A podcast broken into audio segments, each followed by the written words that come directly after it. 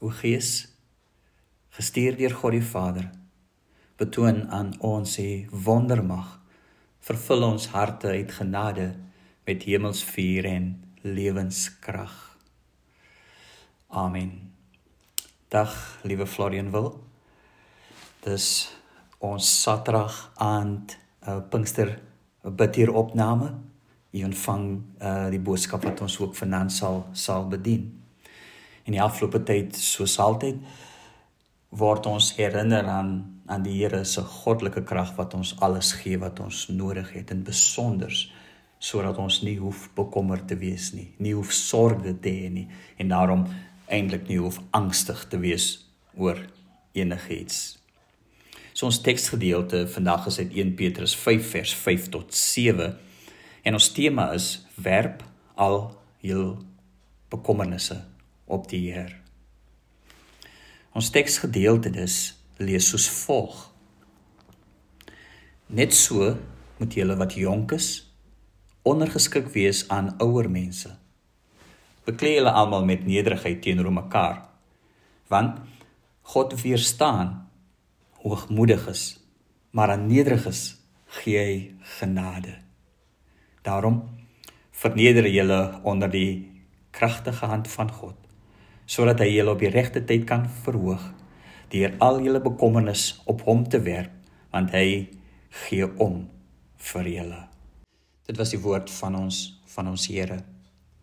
As ons die teksgedeelte lees en selfs verder as dit wat ons gelees het vandag dan is die sentrale gedagte daarvan is dat die gemeente, dat die kerk van die Here mag weet dat hulle te midde van lyding en dreigende gevare in die hand van die sterke God is.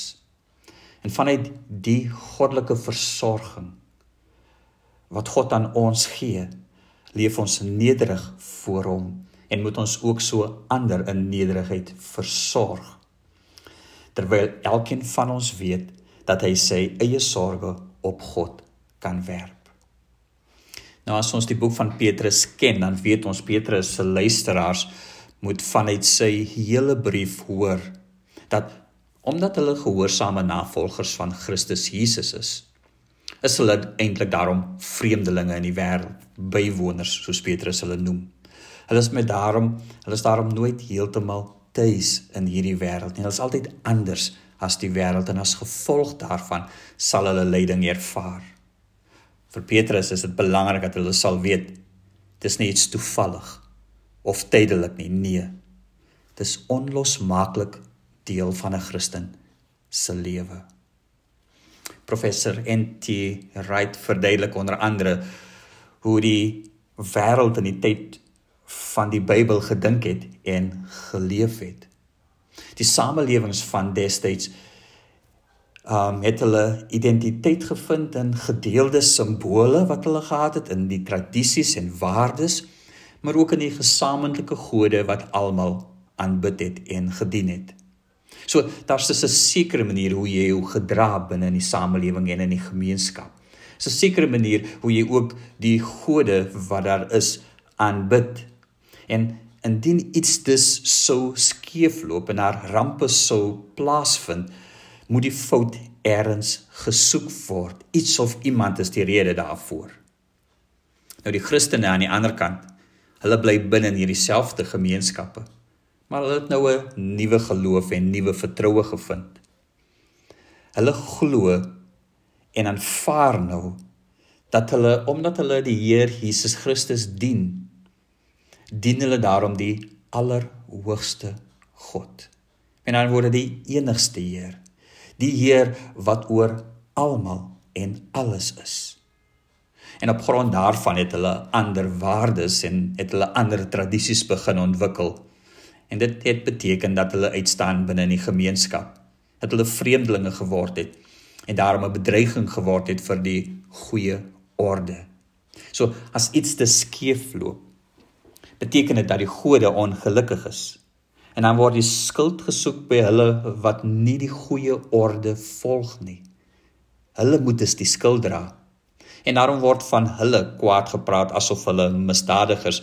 Hoofstuk 2 vers 12 lei hulle onverdiend moet straf en lyding verbier sê Petrus in 2:20.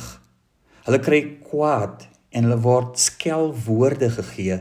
Hoofstuk 3 vers 9. Hulle word kwaad aangedoen hoofstuk 3 vers 13. Hulle word belaster.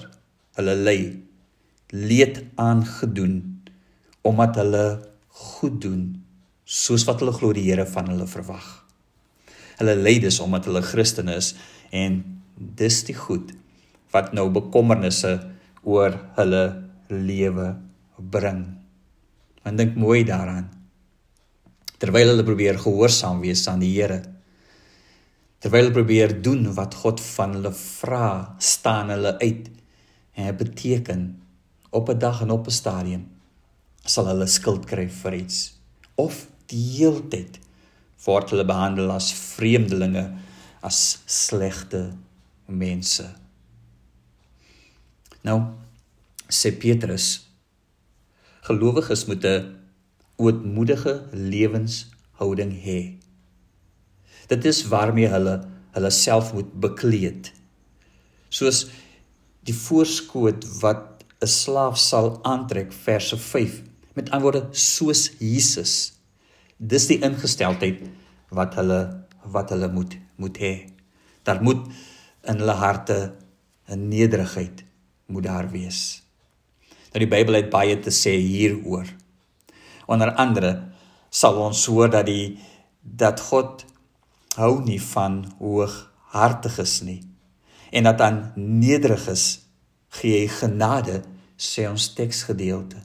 In Spreuke 6 vers 16 sal Spreuke byvoorbeeld sê daar sewe dinge waarvan die Here 'n afskuw het.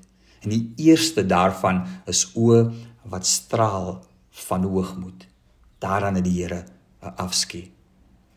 In Jesaja 57 vers 15 lees ons ook dat die Here mooi bevestig deur die profeet: Ek is by hom wat verdruk en nederig is. Ek gee nuwe krag aan die nederiges.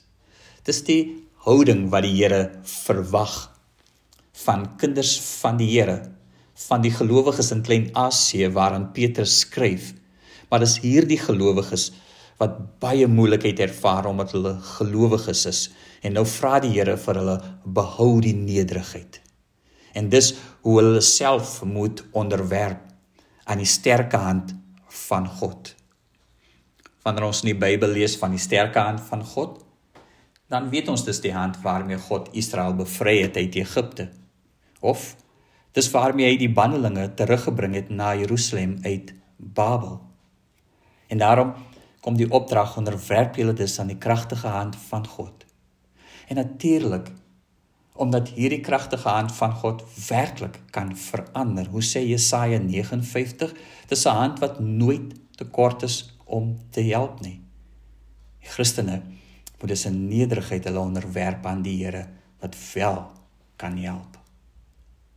Ons weet ook dat hierdie hand van die Here ook 'n hand kan wees soos dit gebeur het met Israel, 'n hand wat teen Israel gedraai het, sal die profeet Jeremia sê. Of ons ken die verhaal van Job waar Job soveel dinge deurgemaak het. Um en die Here bekeer net stil was terwyl hy alles ervaar het. Maar steeds moet gelowiges hulle hulle onderwerp aan die Here want dit bly die hand van die Here, dit bly die hand van hulle liefdevolle God. En in die lyding wat hulle ervaar omdat hulle gehoorsaam is, en die lyding wat Christene altyd verduur soos wat Jesus Christus dit gedra het, moet hulle hulle self onderwerp aan God wie hulle Heer is.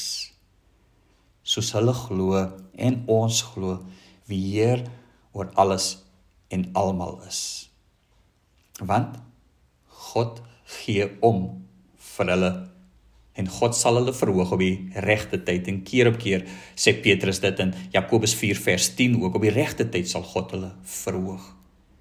Aan die begin van die boek Petrus hoofstuk ehm um, hoofstuk 1 sal Petrus onder andere praat van die onbesmette, onverwelklike erfenis in die hemel wat vir hulle bewaar word. Verder sal Petrus byvoorbeeld ook praat van die feit dat God hulle gered het en, en dat nou hulle nou koninklike priesterdom is, uitverkorene is, verkorenes van van die Here is.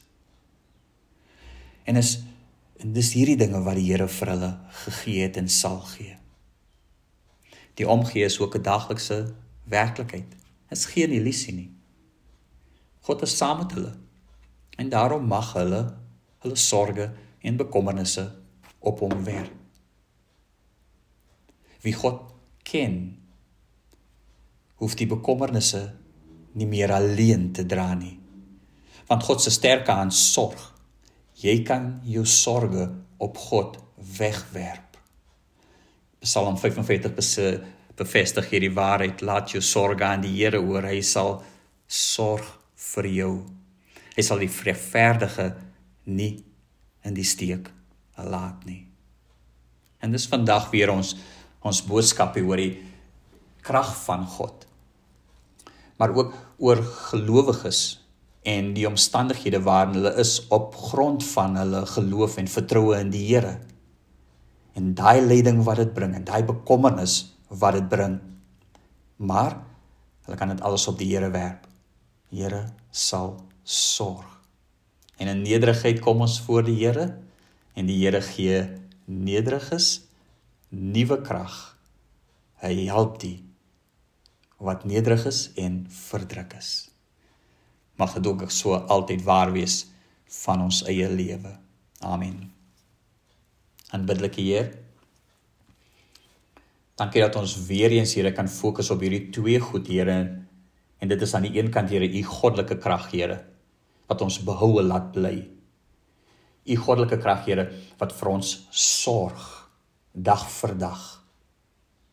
Maar aan die ander kant ook Here is dit ons bekommernisse soos reeds genoem Here en besonder die gelowiges in Klein-Asië. En hoe hulle deur geloof lyding ervaar het. Maar Petrus bevestig Here, U sal sorg. En daarom in nederigheid Hemelse Vader, kom ons na U. En miskien Here is ons grootste uitdaging in alles wat ons ondervind, die onregverdige lyding is dit Here dat ons nederig moet bly. Here, nederig moet bly voor U, Here. Soos die seun Jesus Christus, Hemelse Vader, Here steeds voor U buig. Ons onthou vir Jesus aan die tuin in Getsemane waar Jesus gebid het dat die beker tog op by hom verby moet gaan, maar so nie. Laat dit wees soos U wil. Here, hierdie vra U ook van ons. Help ons daarmee. Gee dit vir ons. Mag die genade van ons Here Jesus Christus en mag die liefde van God ons Vader mag troos en bemoediging van die Heilige Gees met elkeen van ons wees. Want aan U behoort die koninkryk en die krag en die heerlikheid tot in ewigheid. Amen.